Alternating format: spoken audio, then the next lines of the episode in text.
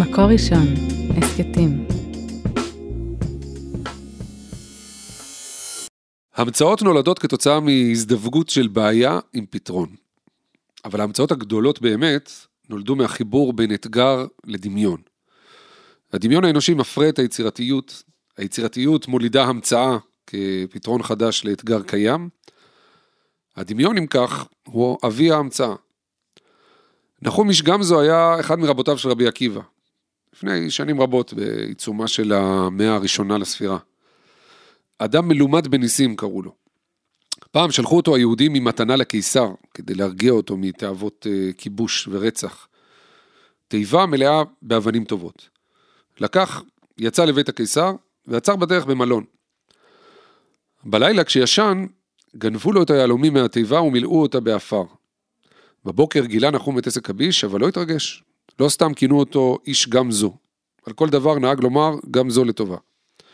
הגיע לארמון והגיש ברוב טקס את מתנת היהודים לקיסר. פתח הקיסר, ראה את האפר, נעלב. ביקש להשמיד מיד את כל היהודים. לא שאי פעם נדרשה סיבה להרוג יהודים. מה יהיה? אמרנו, נחום מלומד בניסים. ובאמת, עמד שם בצד מחופש אליהו הנביא והציע שהעפר בתיבה הוא עפר קסמים מיוחד מימי אברהם אבינו. שכשהיה זורק עפר על האויבים, העפר היה הופך לחרבות. הסכים המלך לנסות, והנשק הסודי אכן עבד. חזרו ומילאו את התיבה אבנים טובות ומרגליות, מסכם התלמוד, ושלחו אותו בכבוד רב. גם ביצע את השליחות, גם המציא נשק טכנולוגי חדיש, וגם החזיר הביתה את ההשקעה. איך פותרים בעיות? מדמיינים את הפתרון. אחת המתודות הידועות לחשיבה ולפתרון בעיות יצירתי, מציעה בדיוק את ההצעה של אה, נחום איש גמזו ואליהו. לדמיין את הפתרון כשכל הבעיות נפתרות בעולם פנטסטי. שאתה יכול להשתמש בקסמים ובטכנולוגיות דמיוניות כדי לפתור את הבעיה.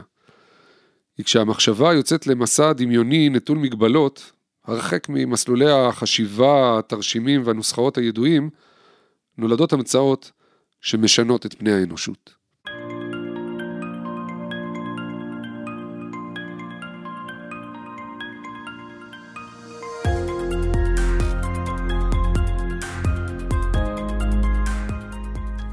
ברוכים הבאים להסכת של אה, אומת החדשנות מבית מקור ראשון. אתם מאזינים לסטארט-עם, שיחות על חדשנות, על יזמות ועל חשיבה יצירתית, ועל הקשר של כל אלה לראש היהודי, ל startup nation. אני שמוליק פאוסט, עורך מדור הספרים במוסף שבת של מקור ראשון, דוקטור לספרות האגדה, כותב ומרצה על חשיבה תלמודית וזיקתה לחדשנות, יצירתיות ויזמות. ואני שמח מאוד להציג את האורחת שלי היום, שירה אליצור, המכונה שיר צור לשם הקיצור. שלום, שלום. שלום שירה. שיר צור היא מנהלת קריאייטיב, שזה בלשון הקודש מנהלת יצירתיות, והיא גם uh, מלמדת יצירתיות. Uh, אז היי, תודה שבאת, ואני אתן לך להציג את עצמך יותר, לספר לנו קצת על עצמך. טוב, קודם כל, הזמנת אותי לנושא שאני הכי אוהבת לדבר עליו, שזה גם על עצמי, אבל גם על יצירתיות. אמ, אז אני באמת, כל פעם ששואלים אותי מה אני עושה בחיים, אז אני אומרת שאני מתפרנסת מלתת רעיונות טובים. אה, גם לעצמי וגם אה, ללקוחות שלי, ו... וגם הפכתי את זה לקורסים, לקורסים של מעבדת קריאייטיב, ואיך לגדל רעיונות, ליצור חממה של רעיונות, וזה כיף נורא נורא גדול להתעסק כל הזמן אה, בדבר שונה. תמיד היית כזאת? תמיד היית יצירתית? אז, אז תמיד שואלים אותי את זה, ותמיד אני, יש לי דוגמה. סליחה. כש, כן, לא, יש לי דוגמה שכשהייתי ילדה, אז נורא נהניתי אה, מהמתנות שקנו לי, ולא מהמתנה עצמה, אלא מהקופסה. כי הקופסה יכלה להיות כל מה שאני רק רוצה. המתנה, אתה יודע, אחרי כמה זמן אתה כאילו מיצינו את זה, ופתאום כשיש לי קופסה של אה, אופניים, אז הקופסה יכלה להיות כל דבר שאני רוצה, והייתי תמיד, אה, נמשכתי לעולמות הקראפט, האומנות, אה, ציירתי, אבל אתה יודע עכשיו מה, מה המאזינים יגידו? טוב, הם יגידו, טוב, זה לא חוכמה. היא נולדה כזאת, היא נמשכה תמיד לתחום האמנויות, ולכן היא יצירתית. ואז אני באה ואני אומרת, לא. כולנו יכולים להיות יצירתיים. אז אנחנו באמת, אה, אה, בטוח ניגע בזה בהמשך. אני, אה, אבל רוצה להתחיל, אולי את יכולה להגיד לנו, לתת לנו איזו הגדרה ליצירתיות. למרות שכשחושבים על זה, זה אולי סתירה. כן. חשיבה שמגדירה וחשיבה שפרועה ויצירתית. אגב, אני חושבת שזה מה שיפה, בדיוק אה, כל הזמן הקיצוניות הזאת אה, והפרדוקסים, אבל אני חושבת שכשחושבים על חשיבה יצירתית, צריך להבין קודם כל שזה נורא תלוי קונטקסט. אמ, אבל אם אני אקח ואנסה לתת הגדרה, זה קודם כל נמצא ברצון. הרצון לייצר רעיונות ומוצרים חדשים, כשאנחנו מצרפים ידע ממקורות שונים. וזה היכולת הזאת, סטיב ג'ובס מדבר על זה הרבה, לעשות קישור בין עולמות שונים, בין עולמות תוכן שונים, בין הבנות מתחומים שונים, ולשלב אותם אה, לרעיון חדש. משפחת מדיצ'י, מי שמכיר את אפקט מדיצ'י, אה, מאיטליה, עשתה את זה בצורה מדהימה, היא פשוט אה, יצרה אצלה איזושהי חממה, והביאה מדענים ואמנים ואנשי טכנולוגיה, בסדר? וריכזה אותם ביחד, ובעצם יצרה איזושהי חממה של סיור מוחות, בשביל כל הזמן לייצר רעיונות מעולמות תוכן שונים. אבל אם אני אקח את זה רגע ליצירתיות בחיי היומיום, שמעתי פעם אה, אה, סיפור נחמד שהיה איזשהו ממציא שהוא היה ידוע בחידושים שלו, ושאלו אותו, תגיד, מה, מה הסוד של היצירתיות שלך? יודע, הוא הסתכל עליהם בתמיהה ואמר, יצירתיות? אני בסך הכל פותר בעיות. כאילו, תמיד יש לי בעיות, ואני צריך לפתור אותן. אז אמרת את זה בהתחלה, תכלס כשחושבים על יצירתיות, אנחנו מדברים על פתרון בעיות. אמ, אבל אני רוצה רגע לקחת אותך למקום של הגדרה שהיא קצת יותר השראתית. כן. אמ, כי, כי פתרון בעיות בסדר, אני תמיד מרגישה שזה התוצאה, כלומר אנחנו מאמצים חשיבה יצירתית, אז אנחנו מצליחים להגיע לפריצות דרך בעסקים, בטכנולוגיה, אבל בסופו של דבר, אם אני אקח את זה רגע לתורת החסידות, אז תמיד תורת החסידות מדברת על אנשים ש- שצריכים לחיות את החיים שלהם במלואם. ואני חושבת שזה מה שיצירתיות עושה לנו, היא כאילו לוקחת אותנו לאיזשהו מצב שאנחנו רוצים לחיות יותר, שאנחנו רוצים אה, למלא את החיים שלנו, ואני אגיד שיצירתיות זה state of mind, בסדר? זה איזשהו mindset שאנחנו צריכים לאמץ אותו, אה, ולראות איך החיים שלנו פתאום נראים טיפה טיפה אחרת. כשאת אומרת לחיות החיים במלואם, זה מה, זה, זה ההתבוננות הזאת, להיות ברגע, כמו שאומרים היום בעולמות המיינדפולנס ואחרים, כלומר, אה, באמת, לשמור על זה כמו ילדים, שאנחנו רואים, והטבע הוא לא מובן מאליו, הקופסת קרטון של המתנה היא לא מובנת מאליה. זה ממש ככה. העלים שנושרים פה עכשיו. בכלל, החיבור היום של מיינדפולנס ויצירתיות, יש חיבור מאוד מאוד חזק. אה, אני חושבת שאנחנו רגילים לחיות את החיים שלנו מתוך אמונות מגבילות ומתוך הנחות יסוד. אנחנו רואים משהו וזה כאילו, יש לנו איזשהו obvious. ואני באה ולהגיד ש, שחלק מהיצירתיות היא בדיוק לערער על האקסיומות האלה. זה ללכת באותו שביל ולהצליח לראות כל פעם משהו אחר, כי זה אומר להסתכל מזווית שונה, זה אומר לחוות את זה בצורה אחרת. ואנחנו נמצאים, אתה יודע, אנחנו אין מה לעשות, החיים שלנו נורא נורא סוערים ונורא נורא מהירים, ומשפחה, ועסקים, וחברים, והכל ביחד, ואנחנו לא באמת מצליחים להכיל את זה. אנחנו נכנסים לאיזשהו רצף, זה, זה כמו שאנחנו, אני אתן את זה רגע, זה, זה דוגמה של נסיעה, אבל נראה לי דוגמה אה, של תפילה זה יותר, יותר נכון. תסלח לי כשאני אומרת שכשאני מתפללת 18, לעתים אני לא תמיד כל כך מרוכזת. לא יכול להיות. כן, ואתה מוצא את עצמך פתאום שאתה מגיע למודים, ואתה כזה אומר, איך הגעתי לכאן? אה, אה, וזה קצת החיים שלנו, אנחנו לפעמים קצת על טייס אוטומטי, ואנחנו צריכים רגע לעצור ולראות איך אנחנו קודם כל קמים מתוך רצון ליצור משהו חדש, ושמים לב לדברים האלה, בדרך שלנו. אה, טוב, אמרת הרבה מאוד דברים אה, מעניינים. הזכרת גם, אה, כשדיברת על, על משפחת מדיצ'י וזה, את, ה, את האיסוף הזה ב, ב, בחדר, לי מהדהד קצת את, ה, את החשיבה התלמודית, שהיא ביסודה היא חשיבה קולקטיבית. כלומר, התוצר שאנחנו מקבלים, או איך שנראה בית מדרש, גם הקדום וגם החדש, הוא של אה, לימוד ושל חשיבה קולקטיבית. זה לא בדיוק, ה... יש לפעמים יוצאי דופן, אבל הם באמת יוצאי דופן, זה לא האתוס של הגאון שהוגה איזה משהו חדש במערה ואל תפריעו לו, אלא זה החיבור של כולם יחד, כן? זה או חברותא או מיטותא, אין, אין חיים. אם לא, אם אנחנו לא מתחדדים יחד עם, אה, עם אה, אחרים וככה קולקטיבית ובאופן רב-תחומי, כי כל אחד מביא את העולם שלו לתוך הסוגיה, לתוך הדיון.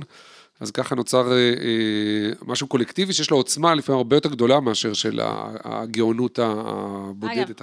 בעיניי החברותא היא אחד מהסימנים אה, הראשונים לסיור מוחות. כי כשאנחנו מדברים בעצם על, אה, על עבודה משותפת, אנחנו הרבה פעמים מדברים על סיור מוחות, על איך עובדים ביחד ואיך מעלים שאלות. בכלל, היהדות מאוד מאוד טובה בשאלת שאלות, וזה אחד כן. מהכלים של אה, יצירתיות, למצוא את הדרך. כמו שאומרים, על, אגב, על אסקימואים, שיש, אני לא יודע, יש כאלה אומרים 40 ויש כאלה אומרים 200 מילים לשלג. כן, בדיוק. הם בתוך זה, אז לתלמוד יש איזה לפחות 15 מילים שונות, ממש ביטויים שונים לשאלה. כי אף שאלה לא דומה, זה לא דומה לקושייה, וזה לא דומה לסתירה, ולא... כל, כל שאלה מתקיפה מכיוון אחר. יפה. זה בדיוק זה. אה, הזכרת גם את ה... את ה דיברת על, ה, על הממציאים הגדולים, אני אה, לא זוכר אם הזכרת אה, קודם גם את ליאונרדו דה וינצ'י, או שזה רק עלה לי בחריזה. עלה לך בגלל מדיצ'י כן. ואיטליה. אבל אה, ליאונרדו דה וינצ'ר היה ידוע גם כמדען, גם כאמן. בכלל מדברים על היכולת הזאת, אתה יודע, שיש לך המון המון ידע. אמ, אומרים שזה תנאי ליצירתיות, כי אתה מצליח, בגלל, בעקבות כל הידע שיש לך, אתה מצליח לשלב, אתה מצליח לחבר את עולמות התוכן השונים. אני תמיד נותנת אה, דוגמה שאני מרצה המון לצוותים חינוכיים. זה אגב, זה בעיניי השליחות שלי, כי אני אומרת, מערכת החינוך כל כך צריכה את היצירתיות, הרי כן רובינסון אמר שבתי הספר הורגים יצירתיות, אחר כך נגיד... כן, סר רובינסון בהרצאת התד, בהרצאת הנצפית. שברת האינטרנט. אה, וגם יש לו איזה ארבעה ספרים שמדברים על יצירתיות בחינוך. אמ, אני אגב מסכימה איתו, ואז נת... אני תמיד נותנת דוגמה, מה קורה כשהמורה למתמטיקה אה, מלמד עם המורה לספורט. כלומר, איך יוצרים את החיבורים האלה המעניינים, שגם משאירים את הקשב בכיתה, וגם יוצרים כאילו חיבורים שאתה לא מצפה להם. אנחנו אומרים אגב, שזה עוד פעם, אני חוזר לעניין הזה, כך נראית סוגיה תלמודית, סוגיה תלמודית קלאסית. אה, יש בה דיון שהוא מאוד, אה, בדרך כלל נפתח בצורה מאוד אנליטית, זה לברר מושג, לברר אה, אה, חוק, לברר אה, הלכה, לברר את ההשתמעויות שלו. כמו שאמרת, דיברנו על לתקוף את זה מכל מיני כיוונים, זה משהו מאוד רציונלי ואנליטי, ואז פתאום עוברים לאיזה סיפור אגדה, או שרשרת של סיפורי אגדה, ואיזה משל או פתגם, ואז חוזרים, ובדיוק כמו שאמרת, המורה למתמטיקה, המרצה למתמטיקה שכותב עכשיו נוסחאות על הלוח, פתאום הוא יעצור ויתחיל לשיר שיר, לא, לא, לא מסתדר בעולם שלנו. כן. אבל שם זה בדיוק המתכון ליצירתיות. שם המעבר הזה בין, ה, בין התודעות השונות, ולהיות מצד אחד מאוד אנליטי, לפתאום איזה קשב לסיפור יצירתי שלוקח אותך על, על כנפי הדמיון, כמו שהזכרנו, mm-hmm. זה המקום שנוצרות ההתלקחויות היצירתיות, ממש, אני חושב, אה, מוחית. בתכנות של המוח. זה מעניין, ה... כן, זה מעניין מה שאתה אומר, כי אני, אני, אם אני לוקחת את זה רגע כאילו לכלי, אז הרבה פעמים שאנחנו נגיד יושבים בישיבות קריאייטיב, אני בכלל, יש לי איזשהו אה, מתכון שאומר שאי אה, אפשר לשבת יותר מ-40 דקות בישיבה, כי אם לא הצלחת ב-40 דקות לפצח את זה, זה לא יפוצח וצריך רגע לעזוב. לעצור, לעשות משהו אחר. או סתם בגלל שאת היפר וצריכה לקום אחרי 40 דקות. גם יכול להיות, אבל אתה יודע, אני עכשיו נותנת לזה איזשהו רציונל, אל כן. תהרוס. סליחה. אה, ואז אנחנו קמים, בסדר? והרבה פעמים קורה שאנחנו קמים, אנחנו לא, מכינים לעצמנו קפה, יוצאים החוצה, ומשהו קורה. משהו, אה, אה, נכנסים לנהיגה פתאום, אגב, שם אומרים שכשאתה נמצא ב... אה, כשאתה נכנס פתאום למקלחת, כשאתה עושה נכון. איזושהי פעולה שהיא אוטומטית, המוח שלך, אומרים לזה רשת ברירת המחדל, המוח שלך מגיע למצב... בנהיגה אני רק מזהיר אותך לא להיות אוטומטית. זה כמו. בתפילה שאת מגיעה ולא יודעת להנהיגה, שלא פתאום תמצאי את עצמך באיזה כפר שלא נכון. תכננת להגיע אליו על אוטומט. אז זה קורה, כן, כשאתה פתאום, תחשב, אתה בדרך, אתה רגיל לנסוע הביתה, פתאום אתה צריך לנסוע למקום אחר, זה קורה הדבר הזה. אמ, אבל בעצם אנחנו, זה נורא מזכיר מה שאתה אומר, כי זה לעצור רגע את הפעולה. זה לעצור משהו רציף, וזה, המוח שלנו פשוט נמצא בטייס אוטומטי.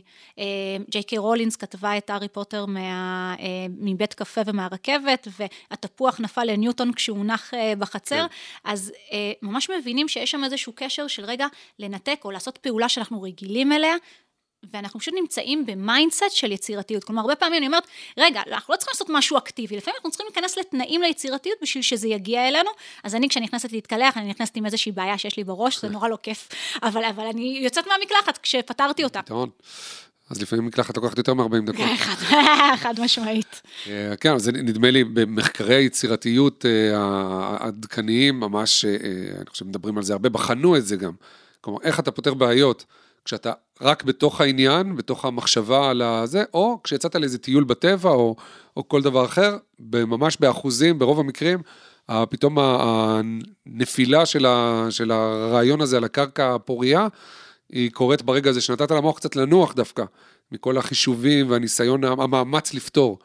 כי כל הידע שצברת וכל העיסוק בבעיה כבר שם.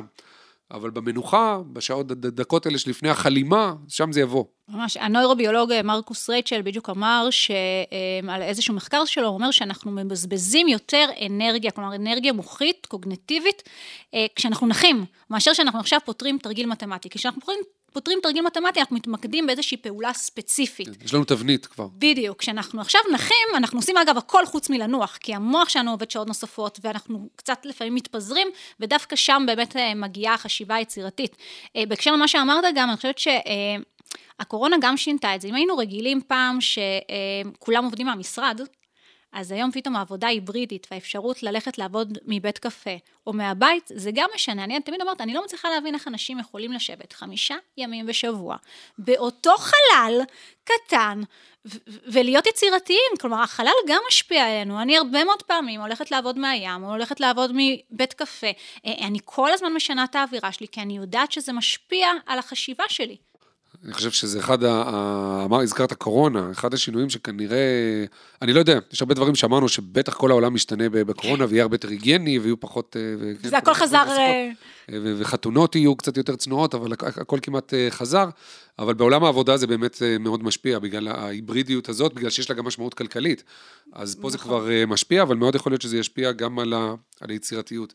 ובאמת צריך לתת את, ה... את המקום הזה, כלומר, גם לדמיון. שאתה מסתכל על הים, כמו שאת אומרת, לשבת לעבוד בים, או להסתכל על אנשים.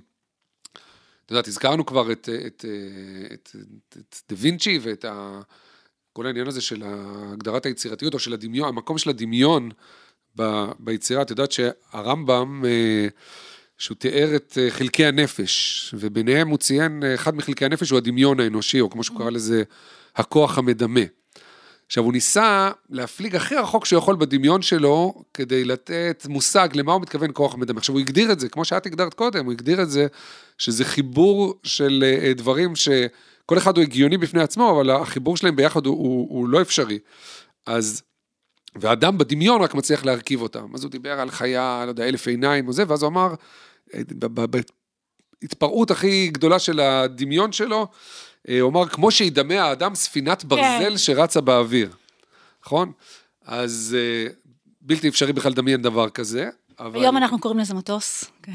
בדיוק. הדרך שעברנו, אה, קצת פחות מ-300 שנה, אחרי שהרמב"ם אמר שזה רק בדמיון אפשר להרכיב את הדברים האלה יחד, אז שכב לו תינוק בחבל טוסקנה בעריסתו, והגיע פתאום איזה בז גדול. ונחת לו על ההריסה ואפילו הצליף לו על הפה בזנב שלו. וכשהאדם הזה גדל אחר כך, הוא חשב שבאמת הזיכרון הינקות הראשוני הזה של הבאז שמעופף מעל ההריסה שלו, אה, גרם לו, ללאונרדו, דה וינצ'י, אה, להיות מסוקרן וממש להשתוקק לעניין הזה של תעופה, הוא בנה או המציא או, או שרטט אה, לפחות איזה 500 מכונות תעופה. נכון. כמו שהוא, אה, אה, כמו שקראו לזה.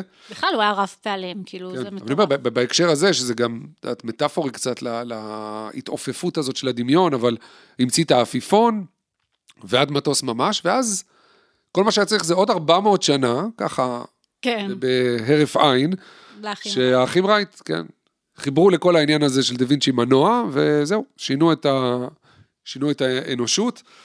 אגב, ו... אתה יודע, אם אנחנו מדברים על האחים... רייט... כן. יכול להיות שהרמב"ם או שהוא לא היה מספיק יצירתי, שהקדים את זמנו. לא, אני חושבת שהוא הקדים את זמנו. שלא האמין בהתגשמות של הפנטזיות, אבל הדמיון האנושי לקח 700 שנה, אבל הדמיון האנושי ניצח את, ה, את ההכרעה הזאת של הרמב"ם. אני חושבת שקודם כל החדשנות היא באמת אה, תולדת הדמיון, ויצירתיות היא לא תולדה רק של השראה, איזה גילוי רעיונות, וזה שירבוטים, וזה אלתורים, וזה ארגון, בעצם ארגון חדשן חייב לדעת לדמיין ולקחת סיכונים. אה, אני חושבת שאחד הדברים אה, המעניינים, נגיד אצל האחים רייט, זה שלפניהם, אני לא זוכרת, היה גם איזשהו סר אה, לגינטון לדעתי, זה היה שמו, שהיה לו את כל המשאבים ואת כל הכוחות לעשות מה שנקרא ליצור את המטוס, את כלי התעופה, אבל לא היה לו את הפאשן, לא הייתה לו את התשוקה. כשהוא קם בבוקר בשביל הפעילות הזאת, הוא קם בשביל להתפרנס טוב, בשביל לעשות כסף, אה, בשביל להגיע לכבוד, ואילו האחים רייט, הלמה שלהם, מדבר על זה סיימון סינק בהרצאה שלו, הלמה שלהם היה... יש לו את הספר, למה? כן, אה, שמבוסס באמת על ההרצאה, שגם היא הרצאה מצוינת, והלמה שלהם היה כל כך חזק, שכשהם פיצחו משהו, והוא יכל עכשיו לחבור אליהם, הוא יכל לקחת חלק מהדברים, כי היה לו את כל המשאבים ולהם לא היה כלום. הם הצליחו בסופו של דבר, אה, והוא פשוט אה, עזב ונטש, ואני חושבת שגם התשוקה וגם הרצון חלק מאוד מאוד גדול מהיצירה האנושית. את, אנחנו מזכירים פה את ה... את יודעת, הזכרתי הרמב"ם, הזכרתי את ה... דיברנו, דיברת על חסידות ועל תלמוד, את... יצירתיות ויהדות הולכות ביחד? וואו, חד משמעית, כי אני חושבת שאתה יודע... לא, לכאורה, כן. אה, מה פתאום? זה עולם של, אה, של אמונות ושל מצוות ושל מעשים וספר חוקים. אז הנה, זה בדיוק, החיבור, מסודר. זה בדיוק החיבורים שאנחנו אוהבים, יש okay. אוקיי. שני עולמות תוכן שמתחברים יחד. אני חושבת שאם אנחנו חוזרים למקורות, אז קודם כל, אה, הסיפור הזה שיצירתיות מתפתחת במקום שבו אני רוצה כל הזמן לבחון מחדש את ההנחות יסוד של העולם. ואני חושבת ש, שהיהדות היא כזאת, כאילו אם ניקח את זה רגע לאברהם אבינו, בסדר? אה, לבראשית, אז אברהם העברי הוא צעד נגד הזרם, כלומר אמרו שקראו לו, יש דעה שאומרת, המדרש אומר שקראו לו אברהם העברי בגלל, בדיוק בגלל זה, כי הוא לא, הנער. כן, כי הוא לא פחד אה, לחדש ולחשוב באופן שונה, והביא השקפות עולם, והוא התייצב אה, כנגד כל העולם, עד שהוא היה מעבר אחד, וכולם היו מהעבר השני, ואני חושבת שזה חלק, אה, עיקרון מאוד מאוד בסיסי אה, ביצירתיות וביהדות. עכשיו, אה, עוד דבר מעניין שאני תמיד ככה מחפשת, אה, אה, מק... כאילו, אני דווקא מאוד מחפשת את המקורות האלה שמחברים את היצירתיות ואת היהדות, אה, ויש... אה, למה? כי את מלמדת במקומות כאלה, או פשוט באופן אישי? אני, קודם כל, אני באמת מלמדת אה, מגזר דתי ומגזר חרדי, אבל ברמה האישית אני תמיד מחפשת אה, למצוא את החיבורים האלה, כי זה נורא נורא מעניין אותי, ובזמנו שלמדתי את אה, איש ההלכה של הרב סולובייצ'יק, אז כן. אה, נכנסתי שם לאיזשהו משפט שנורא שנורא נורא אהבתי, ששיא השלמות המוסרית והדתית, שהיהדות בעצם שואפת להגיע אליו, זה האדם בתור יוצר. אה, אגב, גם הרב קוק מדבר המון המון על האדם היוצר, אה, וזה נורא נורא מעניין. הרב סולובייצ'יק בעצם במסה הידועה שלו על סיפורי הבריאה.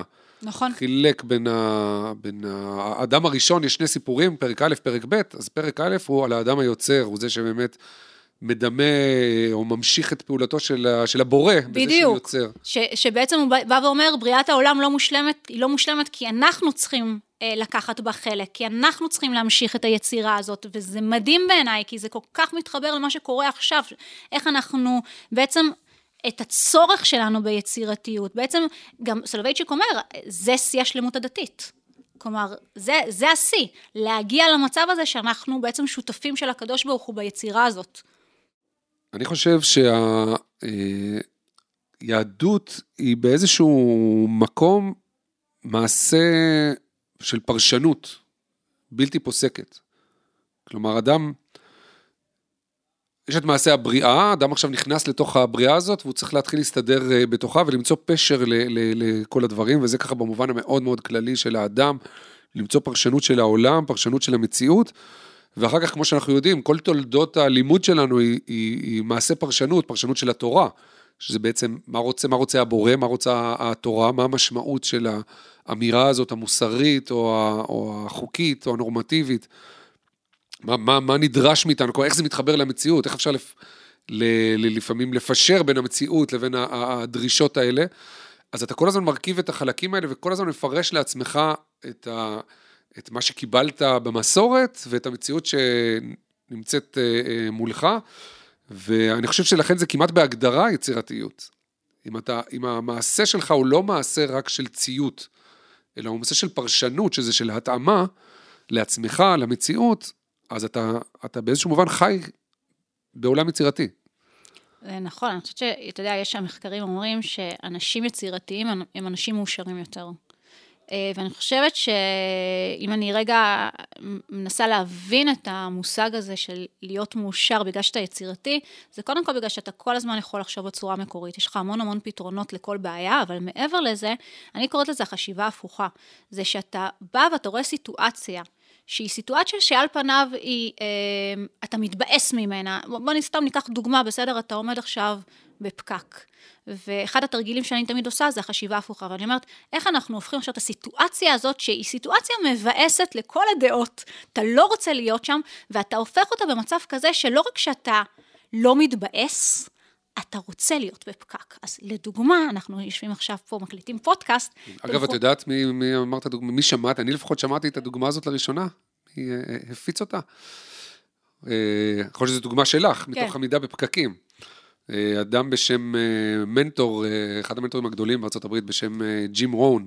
וואלה. ג'ים רון, שהוא ה- האב הרוחני של טוני רובינס, וואלה. שיותר מוכר ב- ב- כן, היום בעולם הזה, אבל הוא קצת... בעולם הקואוצ'ינג. כן, אז הוא המציא את, את רובינס, ומדברים לא מעט על יצירתיות וכולי, והוא הוא, הוא ממש תיאר את זה, איך הוא עומד בפקק, יש לו טיסה שעומדת לצאת בניו יורק, פקק מטורף, הכל מכוניות לא זז, הוא מסתכל על השעון, כל דקה עוד רגע כבר יוצאת. הטיסה, והוא אומר, בשנייה מסוימת, הוא אומר, אתה פשוט הופך את זה מ... אה, באנגלית זה נשמע יותר טוב, אתה פשוט הופך את זה מה- מה- מה- מהעצבנות הזאת להשתאות. אתה פשוט מסתכל על העולם מסביבך, כמה מעניין, כי אתה לא יכול לעשות כלום נגד הוא ה- פספס הזמנים. את הטיסה או לא פספס את הטיסה? אה, זה- כנראה שזה לא מה שהיה חשוב בסיפור. אבל אמר, תחשבו על אנשים מסביב, תתרגלו את זה, כמו שאת אומרת לתלמידים כן. שלך, תתרגלו את זה, ואנשים מסביבכם יהיו נדהמים, כי הם רוצים, הם, הם רגילים לראות פרצופים אה, נרגזים, זועמים, מיואשים, ופתאום יראו באדם שמסתכל בחיוך, בפליאה, עליהם, על העולם, על הטבע, מתנתק רגע ממה שזה... אני חושבת, ותחשוב גם כאילו, איך זה באמת הופך אותנו למאושרים, כי בסופו של דבר בעצם כל סיטואציה היא איזושהי אפשרות ללמידה. וגם אם אתה מצליח להתהפך על זה באמת, שוב, לא כ- כאיזשהו משחק, כי באמת להתהפך על זה של, אני, אתה יודע, אני היום שומעת פודקאסטים אה, ברכב ברמה כזאת שלפעמים כשאני מגיעה למקום שאני צריכה להגיע אליו, אני לא רוצה לצאת. אז מבחינתי זאת הצלחה, ואני מנסה לשחק עם זה כל הזמן, בכל מיני סיטואציות שמבחינתי, בהנחת יסוד שלי, כרגע קורה משהו רע, או משהו מבאס, או משהו שמרגיז אותי, ואני מנסה לראות איך אני מתהפכת על הדבר הזה, אה, ואני פשוט, מוצ... כמו שאמרת, נותנת פרשנות שונה לסיטואציה. שזה גם טוב, זה, זה לוקח לעוד הרבה מקומות, כן, גם כן, פסיכולוגיים, גם חסידיים וכן, שהזכרת, נכון, נכון. ולראות את הטוב אה, זה של כל בכלל, דבר. זה תמיד טוב, לראות את אה, הטוב. כן. רק שזה באמת, אולי אפילו סוג של תרגול שאנחנו צריכים לעשות כדי להגיע לזה. אני, נראה לי שמה שתיארת את עצמך בתחילת השיחה שלנו, שמה שאולי משותף לשנינו, חוץ כמובן מהצבע הוורוד סגול אה, בשיער, אה, זה ששנינו ציירנו בילדות, אה, וגם אחריה.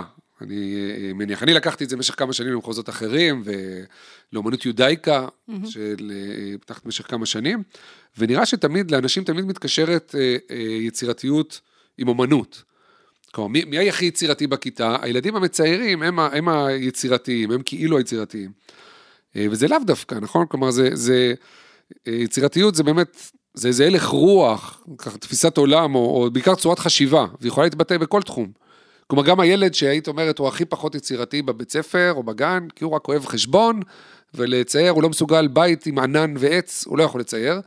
אה, אבל יכול להיות שהוא המתמט, הוא יגדל להיות מתמטיקאי ממציא ועם רוח יצירתית לגמרי. אחרת מאשר האומנות. האמת היא שזה, הנה, זה מחבר אותנו להתחלה, שאמרתי שבאמת, כש... כשפוגשים אותי, אומרים לי, טוב, אני גם נורא צבעונית, וכאילו היצירתיות יוצאת ממני, אומרים לי, טוב, זה לא חוכמה.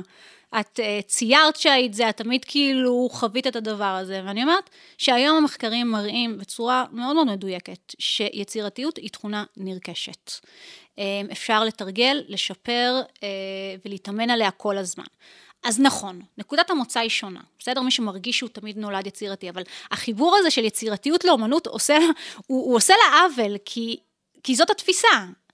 אם אתה מצייר, אם אתה אמן, אז אתה יצירתי, ואם אין לך את הכישורים האלה, אז אתה לא, אבל בסופו של דבר אנחנו עוד פעם מבינים שזה אה, להרגיש את, לחוות את החיים, וזה לפתור בעיות, והיום, בכל מקום, מעסקים, לימודים, חיי היום-יום, אה, עריכת דין, אה, מנהל חשבונות, כולם צריכים חשיבה יצירתית. זה היום הכרטיס כניסה שלנו? למאה ה-21. איך, איך אפשר ללמד יצירתיות? אז קודם כל, אני חושבת, בוא נתחיל בזה שזו החלטה. אמ, אתה יודע, תמיד אומרים לי, איך אפשר ללמד יצירתיות בשעה וחצי? שזה בדרך כלל, אני באה ואני נותנת הרצאה, או שאני נותנת, כשאני עושה את זה בקורס, אז זה באמת אה, הרבה יותר ברור. אז אני אומרת, אני לא מלמדת יצירתיות. אני נותנת לכם רגע אה, את האפשרות לחשוף את מה שיש בכם, כי אנחנו יצורים, כי זה משהו שהוא טבעי, כי זה משהו שהוא קיים בנו, מאז ומתמיד. ומתוך זה אני אומרת, אוקיי, אז בוא נתחיל עכשיו לקבל כלים, בוא נתחיל להתאמן על הדבר הזה, בוא נתחיל לעשות היפוכים מחשבתיים, בוא נתחיל להיות גמישים בחיים שלנו, בוא נראה את זה בכל דבר שאנחנו עושים, כי אי אפשר להיות יצירתי בעבודה, ואז להגיע הביתה לילדים שלנו, ולהיות הבוק הזה שרואה את הכל בצורה אה, נורא חד-מימדית. זה לא עובד ככה, אנחנו צריכים לגבש לעצמנו חיים של יצירתיות. שזה אומר, כלומר, את, את, אה, אמרנו, את יצירתית ב, ב, ב, בעבודה שלך ובקריאייטיב, וזה פרסום וזה שיווק וזה עוד הרבה מאוד אה, דברים אחרים, ואת מלמדת ועוסקת בזה בצורה אקדמית. אבל איפה עוד את מוצאת את עצמך יצירתית בחיים? עזבי את העיסוק המקצועי וההרצאות וזה, שזה ממש כל היום כן. לגעת ביצירתיות. אז אני, אני אקח לך את... למה את אה, עכשיו בסלון, במטבח, ב... זה כזה נשמע כזה. זה נשמע שממש כיף אצלי בבית. אה, קודם כל, עם הילדים אני באמת, אה, אני אתן לך דוגמה, בסדר? בגלל שגם אני מבינה כמה יצירתיות היום היא אחד הדברים הכי חשובים שיש. לפעמים אני, אני נהנית מהילדים שלי כשהם עושים איזשהו משהו שהוא קצת יוצא מהתלם. יש לי ילד שהוא, כמו שאמר, מאוד אנליטי, הוא, הוא, הוא, אני לא יודעת איך קרה. יצא שהוא ממש כאילו טוב בכל מה שקשור לתחום הריאלי ומתמטיקה וזהו, בן עשר, וכאילו של... המשפחות הכי טובות. כן, שליטה מטורפת, ודווקא, ודווקא במקומות האלה, אני מזהה את החשיבה היצירתית שלו, אני, אני אוהבת את הנקודות האלה שהם יוצאים קצת מהתלם, ואנחנו כל הזמן מתרגלים את זה ביחד. אה, אתה יודע, אנחנו עושים נסיעות ארוכות, אז אני אומרת להם, אני רוצה עכשיו שתיתנו לי 100 שימושים אה, שונים לכוס. בסדר, ואנחנו כל הזמן, זה, אז בהתחלה, אתה יודע, בהתחלה התשובות הן אה, שותים בזה, שמים מתים, ואז זה הופך להיות יותר... כל טוב שיש תשובות, ולא אומרים. לך... אה, לא, יש תשובות, אבל יש התשובות דברים יותר מעניינים עכשיו בסמארטפון לעשות. נכון, אבל אני לא נותנת להם, זה, זה באסה לי, כי אתה יודע, זה, יכול להיות שהם מתבאסים עליי, אבל uh, הם נותנים את התשובות הבנאליות הרגילות בהתחלה. ואז אני אומרת להם, אתה יודע, בגלל שזה 100 שימושים, אז אנחנו כל פעם, זה, ואז זה מתחיל להיות, רגע, אמא, אפשר uh, לצרף כמה כוסות? אני אומרת להם, כן. ממה הכוס עשויה? ממה שתחליטו, או שזה קרטון או שזה. הבת שלי אומרת, רגע, אם זה קרטון אז אפשר לגזור אותה ולהפוך אותה לשרשרת. וזה כל הזמן מתפתח. אז אני מרגישה שכאילו זאת המשימה שלי בחיים, ואיך אני לוקחת את זה לכל מיני מקומות של פתרון בעיות. שהבן שלי, כשהוא היה קטן, הוא היה בגן, אה, נורא התבאס ללכת לגן, היה לו כמה ימים כאלה מבאסים, ומה שעשיתי זה שלקחתי כל מיני פתקים, והייתי מציירת לו ציורים. עם איזושהי דרישת שלום, והייתי שמה לו את זה בקופסת האוכל. וכל פעם בשעה עשר, כשהוא היה פותח את זה, הוא היה נורא נורא מתרגש. וככה את עשיתי יודעת, את זה. סליחה שאני כן. נכנס לך לאמצע הסיפור, אני פשוט מגלה פה, אמרתי, מעבר לגוונים... שיש לנו הזה, הרבה קווי דמיון. אנחנו אה, כמשפחה היינו איזו תקופה בארצות הברית, עם ילדים קטנים, ואני אחראי על הכנת הסנדוויצ'ים, אז בארץ זה ניילון, יש לך שקיות אה, ניילון, שקיות סנדוויץ'. בחו"ל זה כזה עטיפות... בארצות הברית, אה, לא, זה, זה שקיות נייר, paper bag. יש שקיות נייר, לא משתמשים בניילון. כשאני רואה נייר, אני לא מתאפק. אתה מצייר? אני הייתי מצייר להם ציור וכותב להם כל יום איזה ברכה אחרת. ליום לימודים על ה paper bag הזה, אה, שזה כבר יצר ציפייה להשעת האוכל. זה, זה בדיוק זה, אני אומרת שהתחלתי את זה ב, ביום, יומיים הראשונים, ואז הבן שלי כבר אמר לי, מה קורה עם הציור? ומה שקרה בסוף זה שאחרי שנה שלמה, הגננת שמרה את כל הציורים. היו משהו כמו, לדעתי, 150, ועשתה לו אלבום, וזה היה מדהים. ואני זוכרת שהעליתי על זה פוסט, וכולם אמרו לי, איפה קונים את זה? אמ, אז יצרתי את המוצר, יצרתי את הפתקונים. לא, לא, לא, חשבתי מחנכת ותגידי להם, תהיו יצירתיים בעצמכם, מה פתאום אז, אז, לקנות? אז לא, אז מה שעשיתי זה שבאמת, קודם כל, אה, באמת הייתה, אמרתי, זה, בדיוק המקום הזה בין החדשנות ליצירתיות, החדשנות לוקחת את זה למקום פרקטי. אה, היזמות, החדשנות. היזמות, בדיוק, אז ממש יצרתי את המוצר.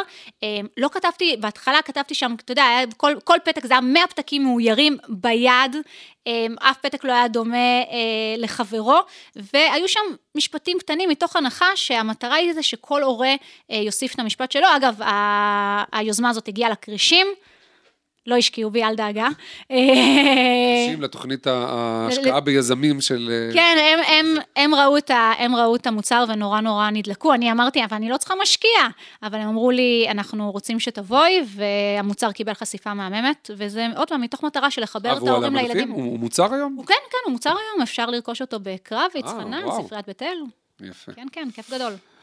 תראי, אנחנו לצערי לסיום, אנחנו לא נדבר עוד כן. הרבה, להיות אה, יצירתיים אה, ולדבר אה, שעות על זה, אני חושב. אה, אז אנחנו מגיעים לפינת הסטארט-טיפ שלנו בפודקאסט אה, סטארט-עם. אה, אז יש לך הרבה, אבל אם את צריכה להתכנס ולתת איזה טיפ אחד למאזינות, למאזינים שלנו, שאולי שוברים בעצמם את הראש ושואלים איך לעזאזל אה, להיות יצירתיים יותר בכל דבר שאנחנו אה, עושים, מה, מה הטיפ המנצח? אז נראה לי זה יתחבר לאחד הדברים שאמרתי, שיצירתיות זה עניין של החלטה, בסדר? אם עכשיו אנחנו רוצים לבוא ולצאת, אה, קיבלנו החלטה לצאת למרתון, אבל אנחנו לא התאמנו מספיק, ואנחנו לא מוכנים פיזית לדבר הזה, הרי אנחנו לא נשרוד את המרתון. אותו דבר בחיים. ההחלטה היא קודם כל להחליט שאנחנו רוצים להיות יצירתיים. תיוג עצמי, הדבר הזה שאתה גם אתה אומר לעצמך שאתה יצירתי, הוא, הוא משפיע עלינו, משפיע עלינו במיינדפולנס, ב-NLP, זה ממש חלק מהדבר הזה. וברגע שהחלטנו שאנחנו רוצים להיות יצירתיים, אז להתחיל להתאמן. כאילו אנחנו יוצאים למרתון. אה, יש המון המון תרגילים ברשת לפיתוח חשיבה יצירתית. מספיק לעשות כל יום משהו קטן, תאמינו לי, גם אני, שאני עוסקת ב, ב, במקצוע יצירתי ואני כל היום יוצרת, גם אני עושה את התרגילים האלה, כי, כי, כי אתה כל הזמן, אין מה לעשות, זה באמת שריר, צריך לאמן אותו. אז תחליטו שאתם יצירתיים, תחליטו שאתם רוצים להיות כאלה, ותתרגלו, ותהנו. אחי, זה, זה גם חשוב, ליהנות מהדרך. גם, את אומרת, תהיו יותר מאושרים. אה, כי חיים יצירתיים הם חיים מאושרים. אני תמיד אומרת, איך אפשר לקום בבוקר בלי לרצות ליצור משהו חדש? אני לא מצליחה להבין את זה. נפלא, אה, תודה רבה. תודה לך. שירה אליצור, שיר צור. תודה גם לאוהד רובינשטיין על ההפקה הטכנית והסאונד, תודה לעדי שלם רבינוביץ' וליהודי טל על ההפקה והעריכה. תודה רבה לכם שהאזנתם. אה, את הפרק הזה, כמו את שאר הפרקים וגם הסכתים נוספים, תוכלו למצוא באתר מקור ראשון, בערוץ ההסכתים שלנו, כמו גם בספוטיפיי, באפל מיוזיק ובגוגל. ניפגש בפרק הבא של סטארט-עם.